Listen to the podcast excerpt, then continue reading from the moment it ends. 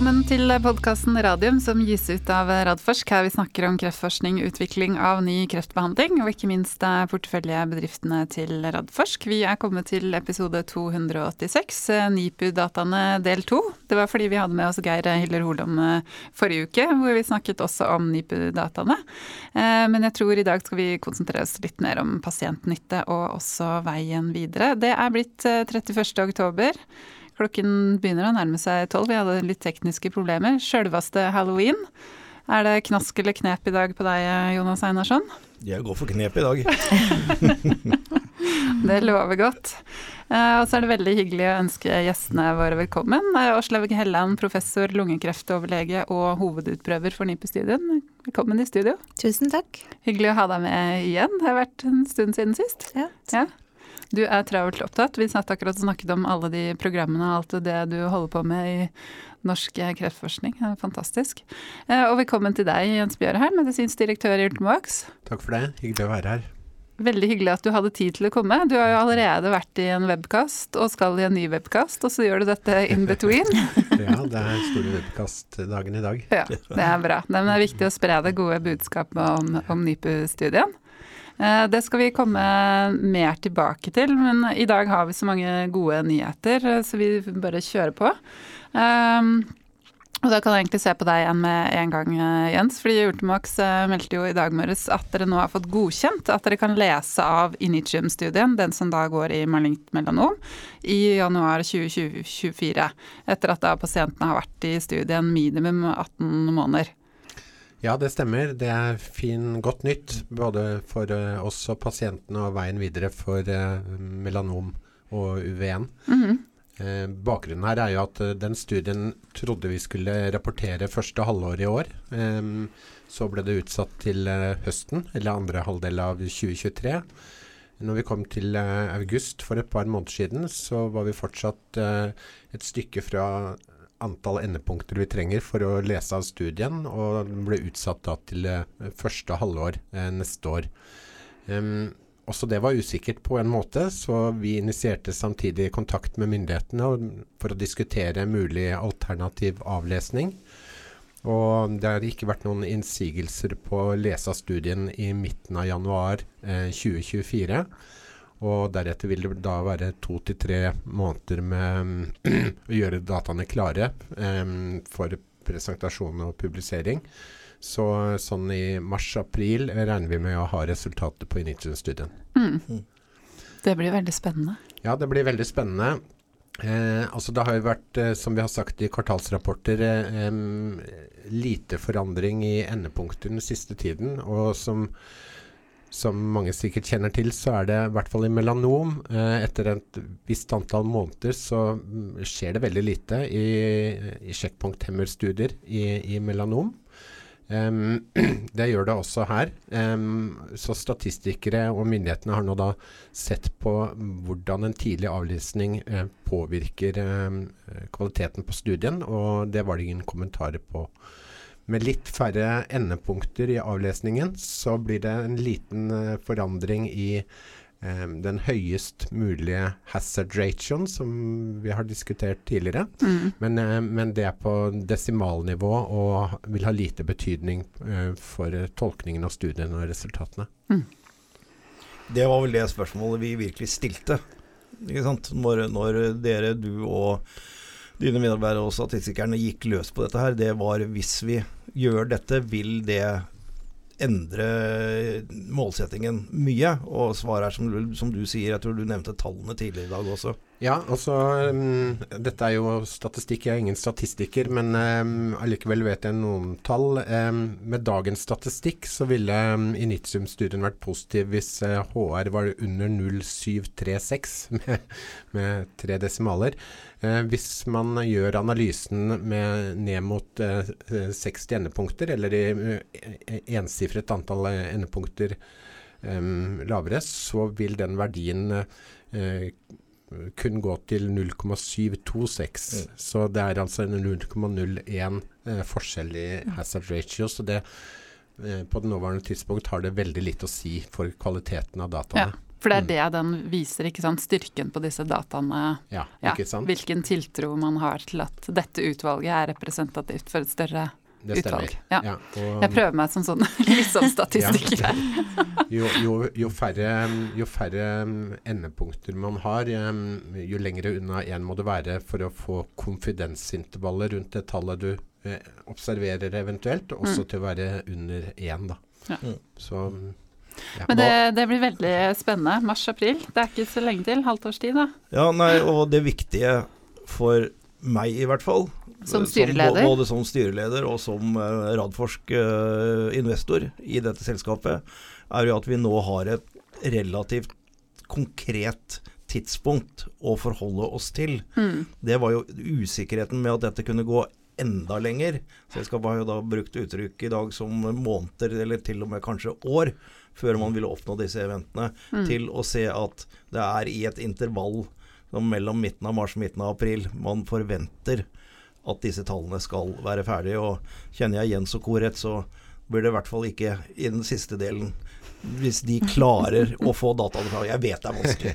Jeg vet om alt, alt som skal gjøres. Men jeg tror også et viktig poeng her er at uh, når det gjelder overall survival, som jo da også kommer, som dere kan lese ut av, så vil jo den pasienten som har vært kortest inne i studien, er 18 måneder. Det stemmer. Den som er lengst, er noen og 40 måneder. Ja, Og en medium på 24. det stemmer. Ja. Ja. Så det blir jo ganske, ganske solide tall, da, hvis de er bra. Absolutt. Så med den opprinnelig planlagte avlesningen eh, i f eh, første halvdel i år, så var det jo vesentlig kortere observasjonstid på pasientene. Em, vi har ikke det eksakte tallet, men eh, rundt midten av januar så vil eh, median observasjonstid være rundt 24 måneder. Så det vil jo ha um, bedre verdi i forhold til å vurdere um, både PFS og også OS, selv om OS er eh, veldig bra med IP-nivå i denne indikasjonen. Det er bra. Eh, vi må gå videre. Onkoinvent eh, har jo da kommet med sin Q3-rapport. Eh, jeg tror ikke det var så veldig mye nytt der. Det er ikke så lenge siden vi hadde Anders Monsson, ny CEO, og Tore Kvam, eh, CFO, i podkasten. Det viktigste som skjer for de nå, er jo at de skal gå videre med to fase to-studier. Ja. Henholdsvis eh, kolorektalkreft og eggstokkreft med spredning til bukhinnen. Eh, og da må de ut og hente penger. Eh, og det har de vel sagt skal skje i løpet av neste halvåret, det ja. også, sånn mer eller mindre. Og så har de jo da allerede altså den siste uken nå fått en IND, altså en godkjennelse fra FDA, Ja. for oppstart av studien da på kolorektalkreft i USA. Så her skjer det ting her også. Ja, kjempespennende. eh, og det er jo igjen eh, få pasienter, eh, men det er jo en klar indikasjon at det skjer noe der på de dataene som de har sluppet nå. Det ser veldig spennende ut. Ja, du tenker på de 18-måneders-dataene 18 på på den 7 mg becquerel-dosen. Der er det ikke peritoneale tilbakefall i det hele tatt. Absolutt. Åslaug sitter og nikker her. Ja. Ja. ja, det er spennende. Ja. Mhm. Eh, og så tenker jeg sånn i forhold til at markedet har vært eh, en smule dødt, at det virker som det har vært vanskelig å hente penger, så Nycode Therapeutics klarte jo da å hente en eh, halv milliard, eller 505 million, Ja. millioner norske kroner. Det var 505 og ikke 502, for nå begynte hjernen min å si Det var 500 505. Så det, det viser jo at det er penger der ute. Ja da, det, det gjør det. Og det, det viktigste er, nå skal vi ha de i podkasten på torsdag, så vi skal gå gjennom det med dem da. Men det var jo at dette var en, eh, en eh, emisjon som ble gjort pga. et sterkt ønske fra internasjonale amerikanske spesialistinvestorer om å komme inn i selskapet. Og de har ikke noen mulighet til å kjøpe seg inn over den norske børsen. Det er altfor lite volatilitet uh, i det, og for lite aksjer å få kjøpt. Så da sier de at vi kan investere, men da må vi ha en viss sum. eh, og da går man ut med denne emisjonen, og så ser man at den blir, jeg tror Mikael har sagt, mer enn tre ganger overtegnet. Også av andre utenlandske investorer. Og det er jo helt klart, dette er en såkalt crossover-emisjon. Det betyr at man får hentet inn de amerikanske spesialistene før man gjør en uh, notering på Nasdaq. Og det har de sagt helt tydelig at det er målet deres. Når det skjer er jo litt avhengig av markedet igjen. Men det betyr at de er helt klare til å trykke på knappen til å gå på Nasdaq. Det blir vårt første selskap i så fall som går den veien, så det er jo kjempespennende. Ja, det er, eh, det er veldig gøy. Og veldig gøy med den interessen også da, fra internasjonale Ja. spesialistinvestorer. Em, Ja, og du sa jo det. De kommer i podkasten på torsdag, torsdag 2. november. Så hvis det er noen som har spørsmål til Agnete og Michael, så må de bare sende de inn. Eh, og så har jo Oslo by også fått et nytt eh, byråd. Ja. Og det innebærer jo at eh, nå har du fått go for å utvide Innovasjonsparken, eller egentlig doble den. Ja, nei, det er jo kjempegøy. Uh, nå har jo både nye byrådsleder Eirik Lahl Solberg og nye leder for byrådet for byutvikling, James Dove Lorentzen, gått ut i flere medier og sagt veldig tydelig at det helt topprioritet for de nå er å få gjennomført dette salget for disse tre månedene. Så vi, vi i, som jobber med denne prosjektet for uh, utvidelse av parken, og som du sier det er en dobling av størrelsen, mm vi har ganske hyggeligere møter nå om dagen enn vi hadde før valget, for å si det sånn. Så, så det, dette skal bli, virkelig bli gøy å jobbe med videre. Ja, så bra. Hva betyr det, kan jeg egentlig spørre dere om, hva betyr det for dere? At man da får en altså, dobling av eh, ja, det er både folk som jobber i industri, med biotek, også innenfor forskning. Se på deg først, Aslaug. Nei, det tenker jeg er veldig spennende. Mm, absolutt. Eh, og at det samles, og at man kan ha Eh, møter og treffpunkter er jo kjempeviktig. Mm. Jens, for en biotek? Absolutt viktig å være så nær til eh, sykehus, og veldig viktig å være sammen. Vi er jo ikke så mange som jobber med biotek og farma her i landet, så vi får i hvert fall samle oss, eh, vi som jobber med det. Mm. Og jo større, jo bedre. Det er en veldig spennende næring som jeg håper tiltrekker seg enda mer mennesker når man ser at det vokser til. Mm. Så veldig positivt. Ja. Ja, det blir gøy. Men da skal vi konsentrere oss om uh, NIPU-dataene. Aslaug, du var jo presenterte de på uh, ESMO, altså den største europeiske kreftkongressen forrige lørdag. Ikke mm. lørdag som var nå, men før det igjen. Mm. Um, men jeg tenker før vi kommer til de dataene, kan du ikke beskrive litt hva slags kreftform mesoteliom er? For mm. du har jo gjort denne studien sammen med kolleger i, mm. i den kreftformen. Ja, Mesoteliom er jo en sjelden kreftform, heldigvis. Eh, den er forbundet med asbest. Eh, det vil si at de som har jobba med asbest eh, tidligere, de har litt økt risiko for å få mesoteliom. Og så kan det ta 20-50 år liksom, før fra du jobber med asbest til du faktisk får diagnostisert mesoteliom. Så det er lang latenstid. Mm. Det er jo en diagnose med dårlig prognose. Eh, vi har hatt få framskritt. Eh, det er jo I Norge i dag eh, så er det to typer kjemoterapi som brukes, i hovedsak. Men det er da godkjent behandling med to typer immunterapi, IP-nivå. Men i Norge så er ikke det refusjon på det ennå, så, så, vi bruker fortsatt cellegift, da. Mm. Og det er kanskje median overlevelse rundt et år. Så det er jo en alvorlig diagnose å få. Mm. Det er en kreftform som eh, er i den hinna som er rundt lungene. Eh, så den, den kan gi symptomer som er diffuse, men som eh, med tung pust og sånne ting. Mm. mm. Og så skjønner jeg det er en veldig stor kjønnsforskjell i forhold ja. til hvem som får, eh, får, den. Det er flere menn da, som typisk menn. har ja. hatt yrker da, hvor de har mm. vært ja. utsatt for asbest. Ja. Så jeg tror det er sånn kanskje ca.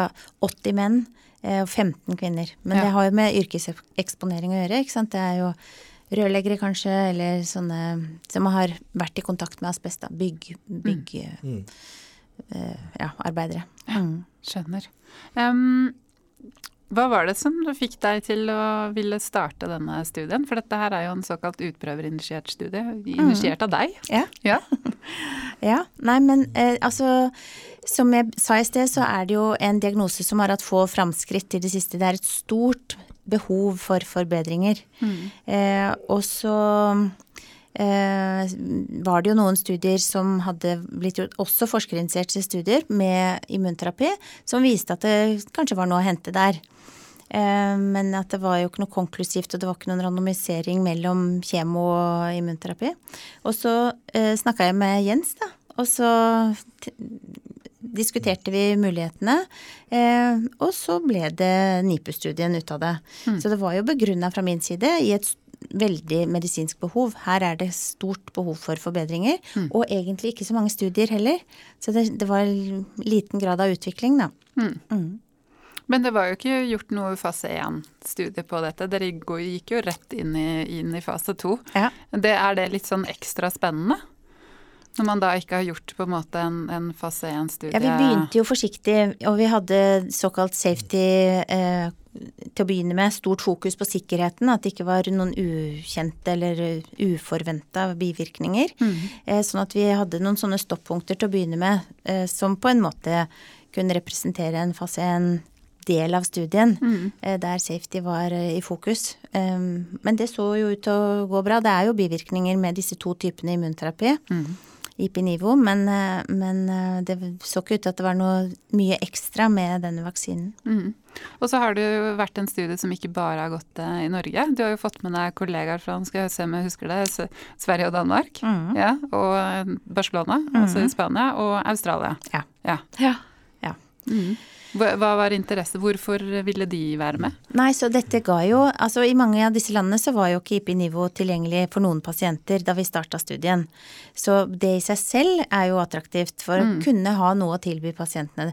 NIPU er jo en, en annenlinjestudie etter kjemoterapi, så for mange av de landene som er med, så hadde de ikke IP-nivå tilgjengelig heller. Mm. Eh, og Australia f.eks. er et sterkt Altså der, har de, der forbød de med eh, asbest sent. Ja. Så der har de mye mesoteliom. Skjønner. Og et sterkt forskningsmiljø innen mesoteliom. Eh, så de var veldig tidlige til å være interessert i å være med. Mm. Um, og uh, disse skandinaviske landene, der har vi tett samarbeid, så vi er ofte med på studier sammen. Vi kjenner hverandre godt. Og Spania, der Det er jo litt tilfeldig, men der var jeg opponent for en av de som var der. Og så ble vi kjent, og så Eh, ville de gjerne være med også. Så det, her er det jo litt sånn eh, det, det, hjelper å kjenne hverandre litt. Absolutt. ja. Kan jeg få lov til å bryte inn litt her, for nå ja, det... brukte du et veldig spennende ord, selv om ikke det har noe med, sånn sett med selve studien å gjøre, nemlig opponent. Mm. Og det er eh, den akademiske verden.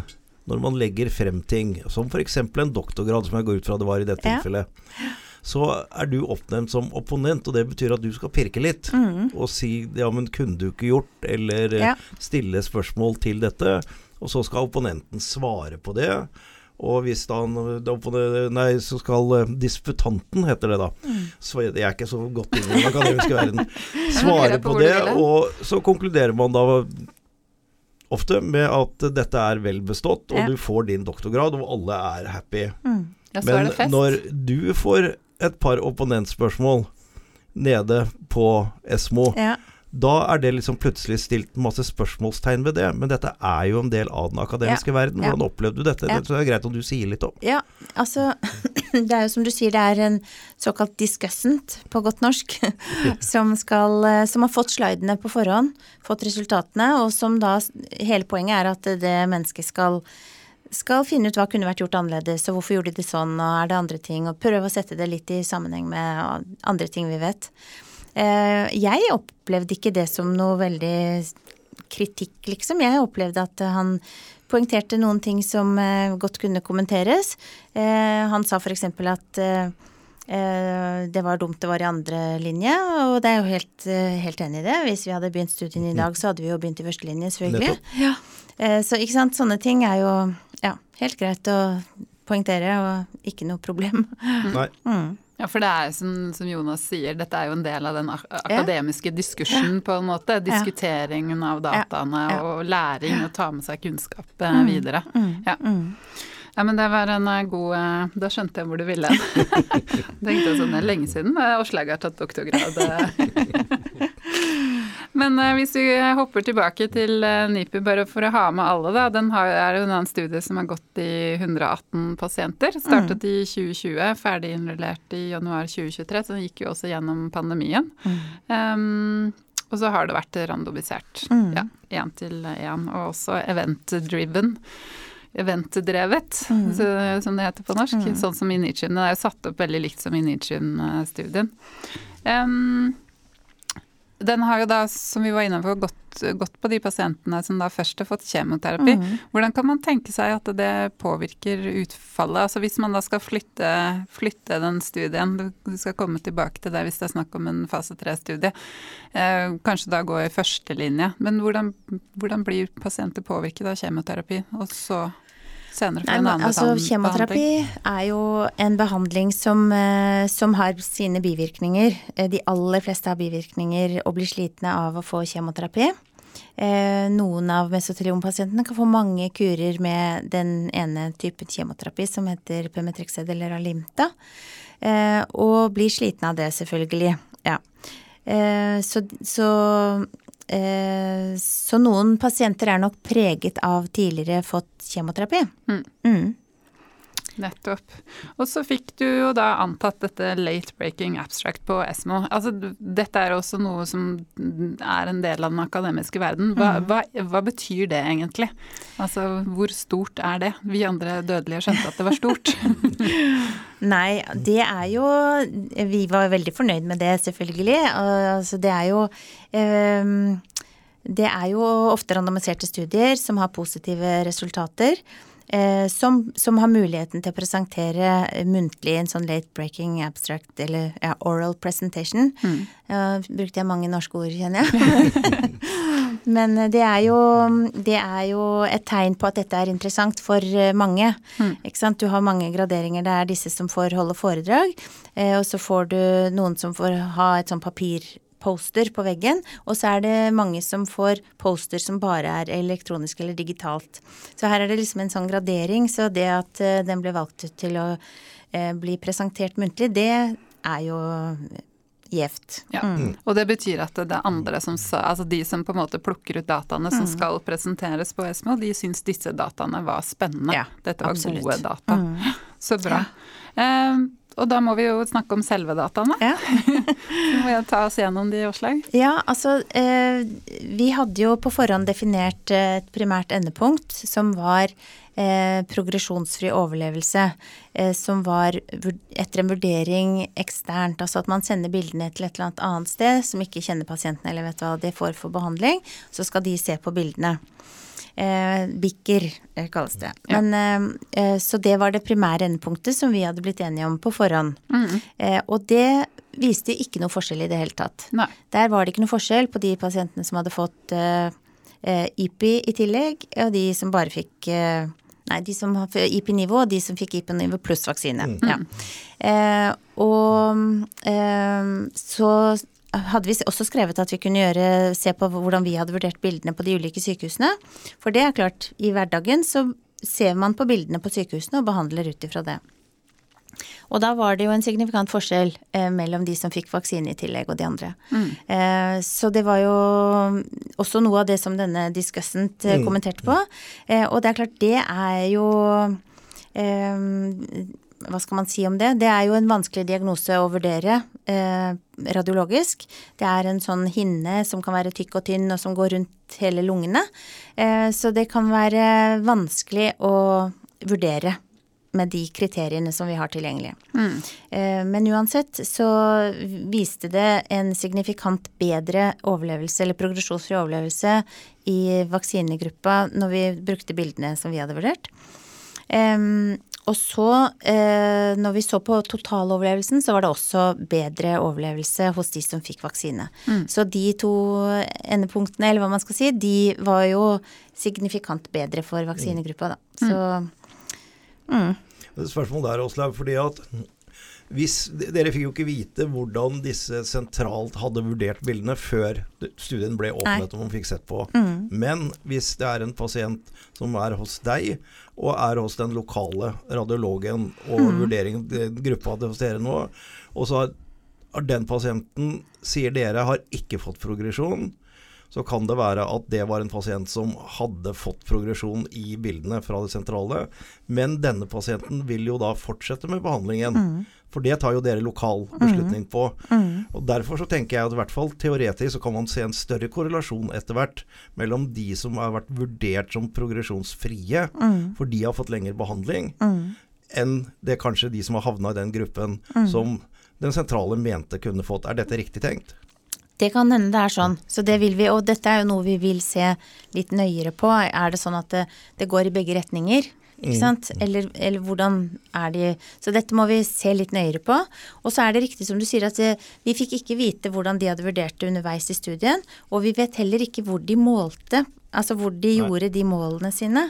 For det ville jo også være interessant å vite. Mm. Uh, ja. Mm. Mm. Og så et, en, et annet data dere så på, var jo dette med sikkerhet og bivirkninger. Og den viste jo ikke noe forskjell Der på var, de det, to. der var det Altså det er jo en del bivirkninger med IP-nivå, og det var i begge armene. Så Mm. det var det som dominerte bildet. Mm. Ja, men så bra.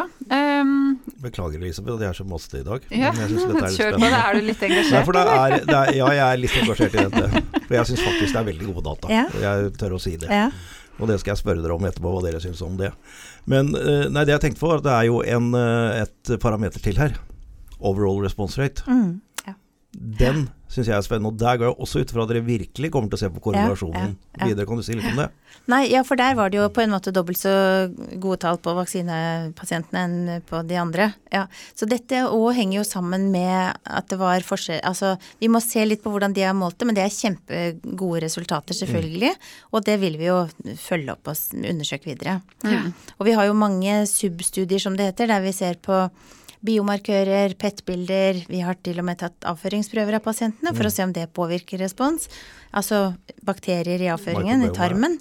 Eh, vi har tatt blodprøver, vevsprøver. Så dette er noe vi vil fortsette å jobbe med i tida som kommer, sånn at vi skjønner mer av eh, mm, hvordan det var. Ja. Hvorfor Da det vil jeg- virker så Da godt ville jeg hos noen. sagt det er derfor vi gjør fase to-studier. For å få mer data som vi kan legge til rette for en god fase tre-studie. Dere er helt enig i. Men det betyr at det kan komme mange publikasjoner videre nettopp på dette her. Ja. Og så vet jeg at vi har fått et lytterspørsmål som går nettopp på det. Altså når, hvordan skal, følger dere disse pasientene videre, og når skal dere avlese? Har dere på en måte, er det en del av protokollen, eller er det en del av, av oppfølgingen dere har? Kan du Ja, si litt altså om det? vi vil jo for, Disse pasientene skal følges i fem år. Mhm. Eh, og vi vil jo fortsette å følge dem og sånn. Nå er det ikke eh, Så akkurat nå pågår det studier på det translasjonelle, altså biomarkører og den type ting. Mhm. eh, og når det gjelder overlevelse, så, så vil vi vel kanskje gjøre det neste år en gang, eller Det har vi ikke bestemt ennå. Nei. Mm. For det er på en måte gullstandarden nå. Det er jo det man Det har jo- lyst til å følge videre. Det er jo Ja. hvor mange pasienter som lever, altså hva som blir forskjellen. Absolutt. Ja. Det er jo beviset. Mm. Du, jeg lurer litt på um, hva, hva responsen var på Esmo blant dine kollegaer når du presenterte disse dataene? Ja, jeg har fått mange gode tilbakemeldinger, og at det er spennende og uh, bra for denne pasientgruppen, og absolutt. Mm. Ja. Og jeg har jo også snakka med flere journalister, og, så det har jo vært stor interesse for dette. Ja, Mm. det vil jeg Ja, tro. Både ja. norske og internasjonale Ja, medier ja, har jeg ja. plukka med meg. Ja. Men da kan du ta ditt spørsmål, i og med at det er det, det neste som står på min blokk. Ja, nei, men altså det, for jeg syns det er litt viktig, for du, du er altså forsker og kliniker og har jobbet med denne relativt håpløse diagnosen så lenge. Mm. Og når du da leser ut og ser disse resultatene som sitter foran deg, Mm. da har jeg forstått deg, og din konklusjon er at dette har en meningsfull betydning for den videre pasient, øh, behandlingen av pasienter med mesteliom. Absolutt, dette er jo kjempepositive data. Og så er det jo all den usikkerheten som er i en fase to-studie. Men, men eh, dette er klinisk signifikante og viktige data. Ja. Absolutt. Mm. For det har jeg nemlig hørt av herr Bjørheim, at han Ja. mener det. Ja. Kanskje Jens kan få det til å kommentere. Jeg er helt enig i det. Det er viktig å skille mellom eh, to begreper som vi bruker ganske ofte. Det ene er klinisk relevant, og det, det betyr at eh, en ny behandling, en ny strategi, den bør være eh, en viss grad bedre enn det som eksisterer i øyeblikket. Og ofte sier jo da klinikerne at en 20 forbedring eh, på dagens praksis eh, er relevant. Og det er også det ofte eh, myndighetene ser på når de vurderer eh, refusjon og, og liksom eh, dytte et fagområde fremover. Eh, Det er det ene. Og det andre er eh, statistisk signifikant. Eh, det første eh, det får man på en måte ikke gjort noe med. Det er naturen som settes opp mot hverandre. Her Ipinivo versus UV1 Ipinivo. Og så har vi en eh, liten følelse av hvordan det kan gå, og setter opp eh, en antagelse, en hypotese om hvordan vi tror det skal gå. At det er en viss forskjell. Eh, når man så ser den forskjellen, som i denne studien er en 27 reduksjon eh, i død etter 17,2 måneders overlevelse, mm. som er en eh, som jeg oppfatter det i hvert fall, en relevant eh, median observasjonstid. Mm. Eh, den går forbi median overlevelse for denne pasientgruppen i, i det stadiet. Eh, så, eh, så er, er, klinisk relevans på plass. Når, når, det gjelder statistikken, så er den avhengig av hva slags studie du kjører. I en fase to så er det færre pasienter og, og mindre streng statistikk. Eh, noe som gjør at man får mer usikker rundt svarene. Men det er fortsatt eh, 80 eh, sikkert at svaret er sant. Og Det er det som brukes eh, internasjonalt eh, for fase 2-studier som en trygghet for å gå inn i, inn i fase 3. Mm. mm. Så vi har sett den kliniske relevansen på overlevelse, og ikke minst da på mm. responsrate, og kanskje til og med på PFS, hvis det er den lokale mm. som gjelder. Mm. Um, så det er tre av tre pluss god statistikk. Uh, og det er mer enn nok for, å, uh, for, oss, fra medisinsk side i hvert fall, å tenke framover til fase tre. Mm. Det er flott. Det er mitt neste spørsmål. Hva skjer nå? Vi kan begynne med deg, Åslaug, på vegne av liksom, forskninga ja, di og pasientene. Vi, vi syns jo dette er veldig interessant og spennende, og har god erfaring med den NIPU-studien og behandlingen som er gitt der. Mm. Eh, så vi er jo positive til en ny studie, men eh, det er jo en i så fall Ultimax som liksom er i førersetet der. Mm. Mm. Ja, Jens? Ja, for oss altså. Vi, vi uh, føyer oss inn i rekken av uh, de som er enige med at dette er gode resultater, som uh, utprøverne også har konkludert med, og som vi har fått gode tilbakemeldinger fra mange, vi også. Vår lakmustest nå, det er jo hovedsakelig todelt. Det er å holdt på å si, teste dataene på myndighetene. I diskusjon med myndighetene i forhold til hva de eh, ser i tallene, og hvordan de eventuelt ønsker å hjelpe dette produktet framover til en markedsgodkjenning i denne indikasjonen. Den kommunikasjonen begynte vi allerede tilbake i juni, selv om det ikke er så hardt knyttet til eh, data, men det er knyttet til data. Eh, så fikk vi allerede for noen uker siden Orphan mm. Drug eh, Designation mm. for UV1 i mesoteliom. Eh, og den prosessen fortsetter mot eventuelle andre andre veier forover. Da. Eh, det andre er eh, å diskutere med et enda større utvalg av utprøvere. Her er det ikke så mange utprøvere med i denne studien. En eventuell fase 3-studie vil også måtte utvides til flere sykehus, og sikkert også flere territorier. vår erfaring med kliniske studier er at det er veldig viktig å være på lag med klinikerne de, de, skal ha mm. lyst til å inkludere pasientene i studien. Det er ikke mm. noe de på en måte får levert på sykehus for å inkludere pasienter i. Det er noe de ønsker å gjøre fordi de tror det har en verdi for pasientene. Og Da er det viktig for oss å forstå hvordan deres inntrykk er av disse dataene mm. i en eventuell fase 1-studie. Eh, både her i Europa og sannsynligvis også i, i, i, USA. Og Australia var jo også veldig mm. interessant mm. her, da. Mm. Så Um, så vi jobber på de to frontene. Og så er det den uh, usikkerheten som, uh, som, alltid er der, uh, og det er det eksterne. det finansielle skal ikke jeg diskutere nå, men jeg kan si litt om det farmaverden. Altså her har vi egentlig vært i en litt spesiell situasjon, for når Åslaug kom med disse ideene tilbake i 2018-2019, så var det ingen sjekkpunkthemmere i mesoteliom. På bakgrunn av to små studier så ble det da satt mm. i gang en randomisert fase 2-studie um, som viste da effekt på toppen av den uh, beste kombinasjonen av sjekkpunkthemmere vi har, um, vil jeg si, uh, Ipinivo. Og på en måte parallelt med det så har Ipinivo blitt godkjent i førstelinje. Så det er på en måte to ting som har falt på plass for oss som firma. Da, i hvert fall. Det ene er etableringen av ren sjekkpunkthemmerbehandling. Eh, noe vi liker i dette nå for tiden. Eh, og det andre er, er, at vi har i hvert fall fase 2-data som viser en klinisk relevant mm. effekt på toppen av det igjen. Eh, så mm, med de to tingene på plass, så tror vi mye skal være der for å gå videre, men man vet aldri hva andre eh, firmaer eller andre studier eh, har av resultater å komme med. Så det er veldig viktig å eh, følge med på verden der ute også, hvordan fagfeltet beveger seg eh, fremover.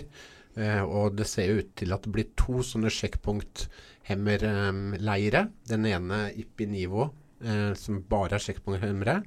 Men også kanskje en gruppe studier som viser eh, noe eller mer eh, effekt av sjekkpunkthemmere på dagens eh, kjemoterapi. Da. Mm. Men uh, dette følger vi veldig godt nøye på, Ja. med på. For det, når man skal sette opp en fase 3-studie, så er jo det kjempeviktig å vite hva som er standardbehandling, og vite hva det eventuelt blir i en lang stund framover.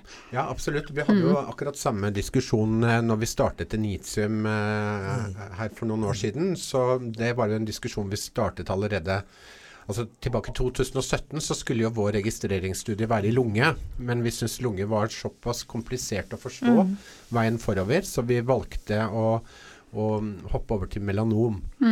Og da vi startet, så var det Internt var vi ganske enige med oss selv om at vi burde gå for IPI-nivå, men det var ikke like populært eksternt tilbake i, i 2018 og 2019. Eh, det er først i de senere årene at Ippi-Nivo har etablert seg som eh, en god standardbehandling som de fleste skal på hvis de kan tolerere det.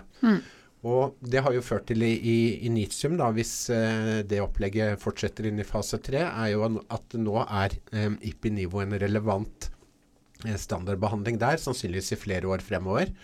Og kanskje man kan trekke noen av parallellene til mesoteliom også.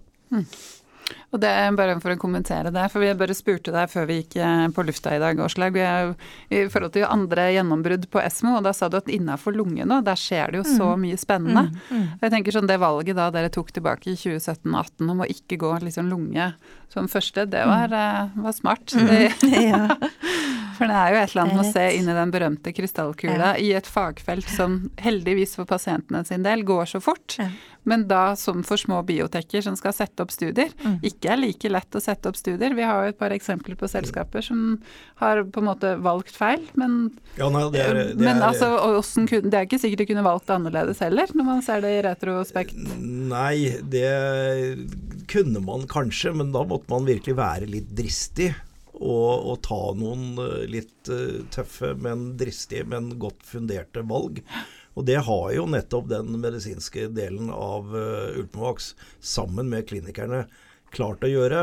Og det da å treffe med at du kommer ut med disse randomiserte dataene på en andrelinjebehandling som da den samme behandlingen du sammenligner med, blir førstelinjebehandling, som gjør at du kan skli rett fra, og det er litt viktig å få fram, fra andrelinje til førstelinje. Så det er ingen tvil om at den fase 3-studien, hvis vi beslutter å kjøre den, den blir kjørt i første linje direkte, og det trengs ikke å gjøres noe mer på fase 2. Uh, og det er helt riktig, jeg husker godt de diskusjonene med skal vi kjøre nivå, skal det være med IPI? Mye diskusjoner da om IPI-nivå ble for tøff behandling, så det ville ikke bli den standardbehandlingen. Eh, og da er det jo den kontakten som dette selskapet med Jens og co. har med klinikerne, som gjør at du kan gjøre en kvalifisert gjetning, i det minste. Så det, der har man truffet bra. Det er bra. Eh, holdt på å si, den som lever får se, når det gjelder eh, hva som skjer videre med mesoteliom. Eh, og så vil jeg jo tro det, tro det Jens, at dette ser, dere ser det litt i samsvar med Initium-dataene. Ja, altså mm, vi, vi har hatt to eh, hovedstrategier eh, for kliniske studier. Det ene er at eh, mm, svulstene skal uttrykke telemerase, som er eh, target for vår vaksine. Mm. Em, det er veldig viktig. Em, det andre er at det skal ha vært, eller det kommer til å bli, etablert eh, sjekkpunkthemmere som standardbehandling i denne indikasjonen. Mm. Sånn sett var jo mesoteliom et lite skudd fra hofta, men, eh, men det endte jo opp med å bli em, standardbehandling, så det var et godt skudd eh, eh, allikevel. Eh, men for oss er det veldig viktig også å være i forskjellige biologier for å forstå hvordan det fungerer. Um, vi har snakket om det her før, men det er liksom to hovedhypoteser for hvordan vaksinen virker, eller vaksiner virker som sådan. Det ene er at de forsterker effekten til sjekkpunkthemmere. ikke sant? Egentlig Sjekkpunkthemmer er eh, egentlig ikke en eh, monobehandling. Det er en kombinasjonsbehandling. Det er sjekkpunkthemmerne på den ene siden, og så har du immunforsvaret på den andre siden. Og sjekkpunkthemmerne kjenner du dose og um, hvordan du skal gjøre alt. Immunforsvaret er litt black box. Og ved å vaksinere så kan du da forhåpentligvis um, forbedre den delen av kombinasjonsbehandlingen også. Den andre uh, alternative muligheten er jo at um, noen pasienter eller noen indikasjoner har for lite T-celler. De har ikke T-celler som har kjent igjen eh, svulsten. Og ved å fylle på med relevante T-celler, som du gjør gjennom en vaksine, så kan du vekke en immunrespons som også da eh, kan være gunstig i kombinasjon med sjekkpunkthemmere. Mm. Eller en kombinasjon av de to. Og, og, og dette, dette, er veldig viktig for oss å forstå for å velge riktige indikasjoner fremover. Eh, et par setninger til om det. fordi Sånn i mesoteliom så eh, hvis du ser på sjekkpunkthemmerne alene, så er det vel sånn at eh, flesteparten av pasientene ikke reagerer på sjekkpunkthemmere. Eh, selv kombinasjonen IPI-NIVO. Så jeg håper resultater fra studiene til Åslaug og kolleger kan være med å kaste litt lys over hva en vaksine på toppen gjør der. Er det flere pasienter som får nytte av sjekkpunkthemmerne, eller er det de pasientene som allerede har noe nytte av sjekkpunkthemmerne, som får en ytterligere og forsterket nytte når de får eh, vaksine på toppen? Mm. Eh, det er veldig viktig i, for, i forbindelse med valg av eh, subpopulasjoner osv. Eh, fremover, sånn at man kan eh, optimalisere pasientbehandlingen. Da. Og mm. Dette er jo også litt i lys med mm. det Åslev mm. driver med ellers, med mm. Matrix og Impress-delen. Eh, Rett og slett se på mm. potensielle biomarkører og mm. undergrupper av da pasienten som ha, kan ha effekt ja. Mm. Mm. Man kan jo i fremtiden, uten at vi trenger å spekulere mye om det her, men man kan jo nesten se Vi liker spekulasjoner her, du. man kan jo se for seg en gang i fremtiden at det blir en slags uh, immunterapiens uh, matrix ja, også, ja. på en måte. ikke sant? At sånn som dere kartlegger gener mm. og genforandringer og behandler etter de uh, i ulike indikasjoner, så vil det jo også være ulike pasienter som beskytter seg på, på forskjellig måte da, mot immunforsvaret, og mm. Mm. ulike kombinasjoner av immunmodulerende legemidler uh, kan være gunstig for ulike mm. pasienter og indikasjoner. Da.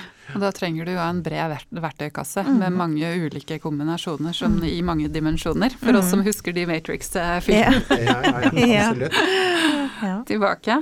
Um, jeg har et spørsmål til deg. Ja. Fordi jeg styrer jo da Twitter-kontoen til Radforsk.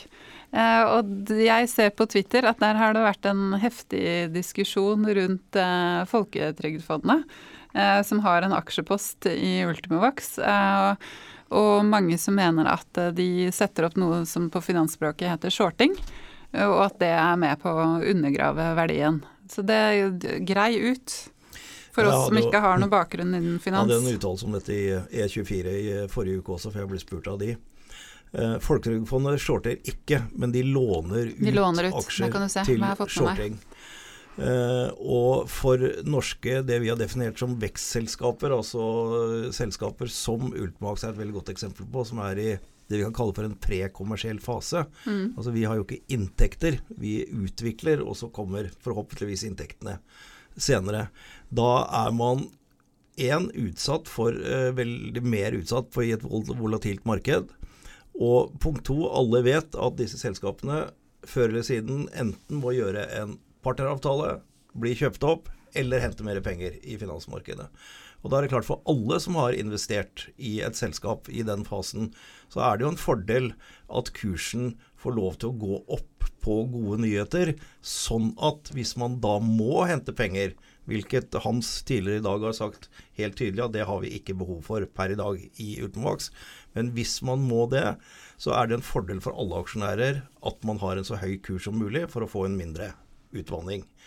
Når man setter en stor short, som Janus Henderson har gjort, som er dette selskapet som låner aksjer bl.a. av Folketrygdfondet, eh, så klarer de å holde kursen nede. Fordi det er liksom hele poenget med å sette en short.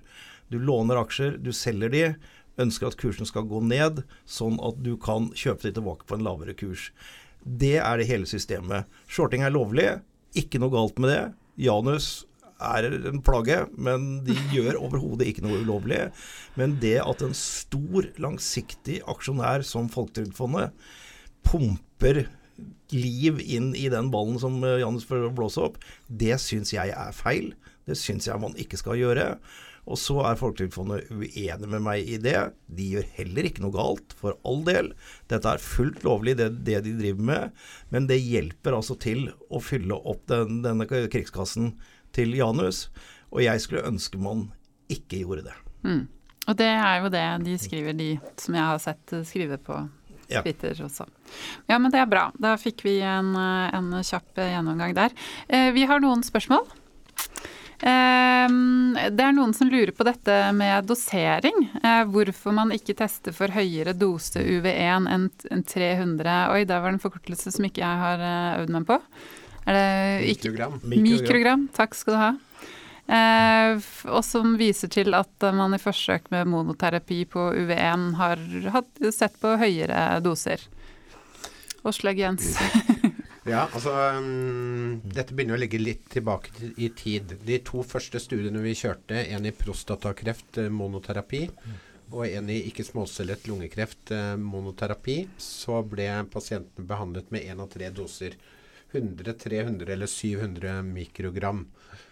Em, når man skal vurdere um, dose, så er det vanligvis veldig greie, som ikke er greie selvfølgelig, men på papir i hvert fall, regler for hvordan det skal gjøres. Um, Når man gjør det med en vaksine, så blir dette annerledes. Et vanlig legemiddel vil man dosere opp til et visst nivå, eh, til man ser bivirkninger som ikke er akseptable, og så reduserer man dosen og behandler flere pasienter for å se at eh, det eh, m- nivået som ligger litt under alvorlige bivirkninger, er det akseptabelt å gå videre med i større studier. Eh, dette er da legemidler som eh, gis systemisk i kroppen og kan gi eh, bivirkninger fra alle deler av kroppen som sådan. En vaksine er veldig annerledes. Vi setter vaksinen eh, i huden, intradermalt som vi kaller det. Og vi forventer at de peptidene blir tatt opp av eh, antigenpresenterende celler i huden innen kort tid, ellers så blir de degradert. De peptidene så tatt, eh, som så er tatt opp av antigenpresenterende celler, blir tatt med til lymfeknuter og presentert til immunforsvaret, der det ekspanderes T-celler.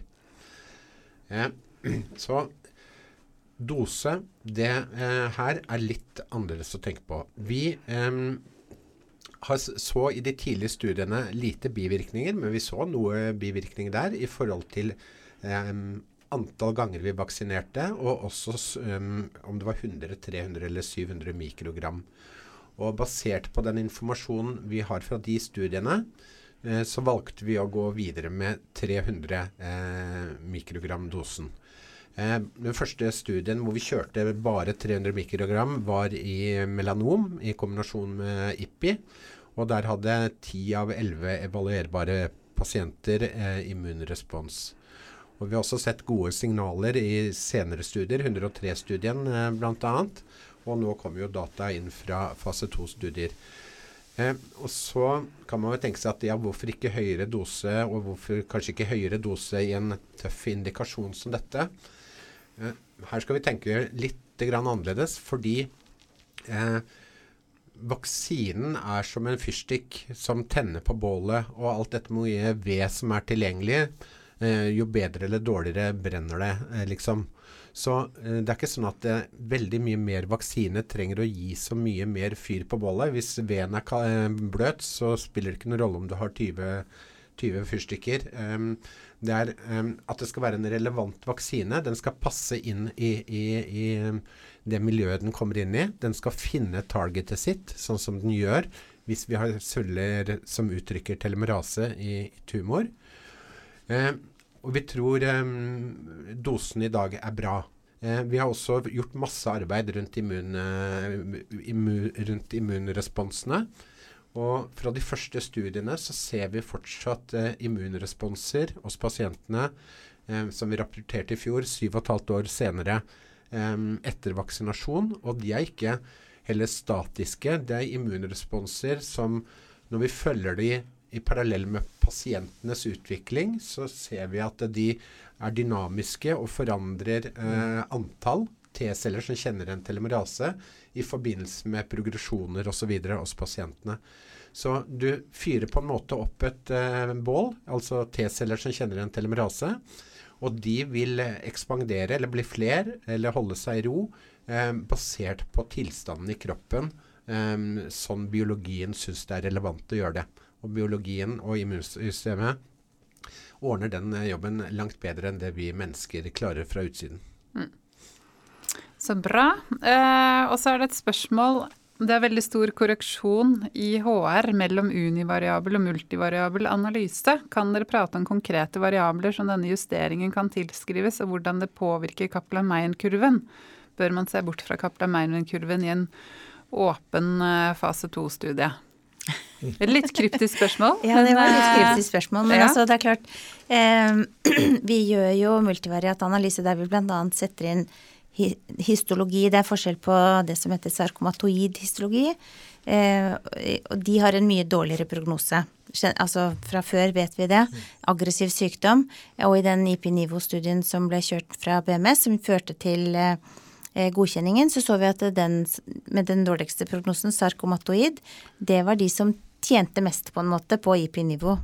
Mens epiteloid eh, histologi eh, har Altså begge deler er jo en dårlig deal, men, men det er forskjell i prognosen.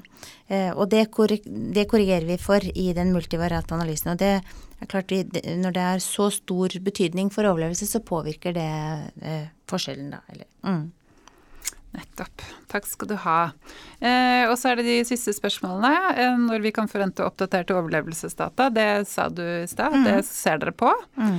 Eh, og så er neste spørsmål, eh, siste spørsmål. Har du sett antydninger til at kurvene separeres ytterligere i de nyeste oppdateringene? Dersom dere har det. Ja, det har vi ikke. Så, mm. så, det får man vente og se ja. på. Ja. ja. men så bra. Eh, har du noe ytterligere kommentarer? Nei, jeg blir bare alltid imponert over pedagogen Jens Bjørheim, ja. som ja. Nå har fortalt oss om hvordan man løper med og uten joggesko ute i skogen tidligere. Og når man er ferdig med løpet, skal man sette seg ned og tenne et bål for å forstå dosering. Så dette er imponerende. Ja, det er veldig bra. takk, takk. Mm.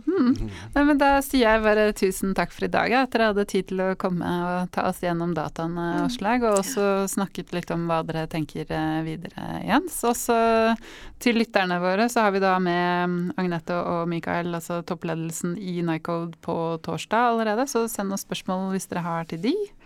Takk for i dag. Tusen takk. takk, takk.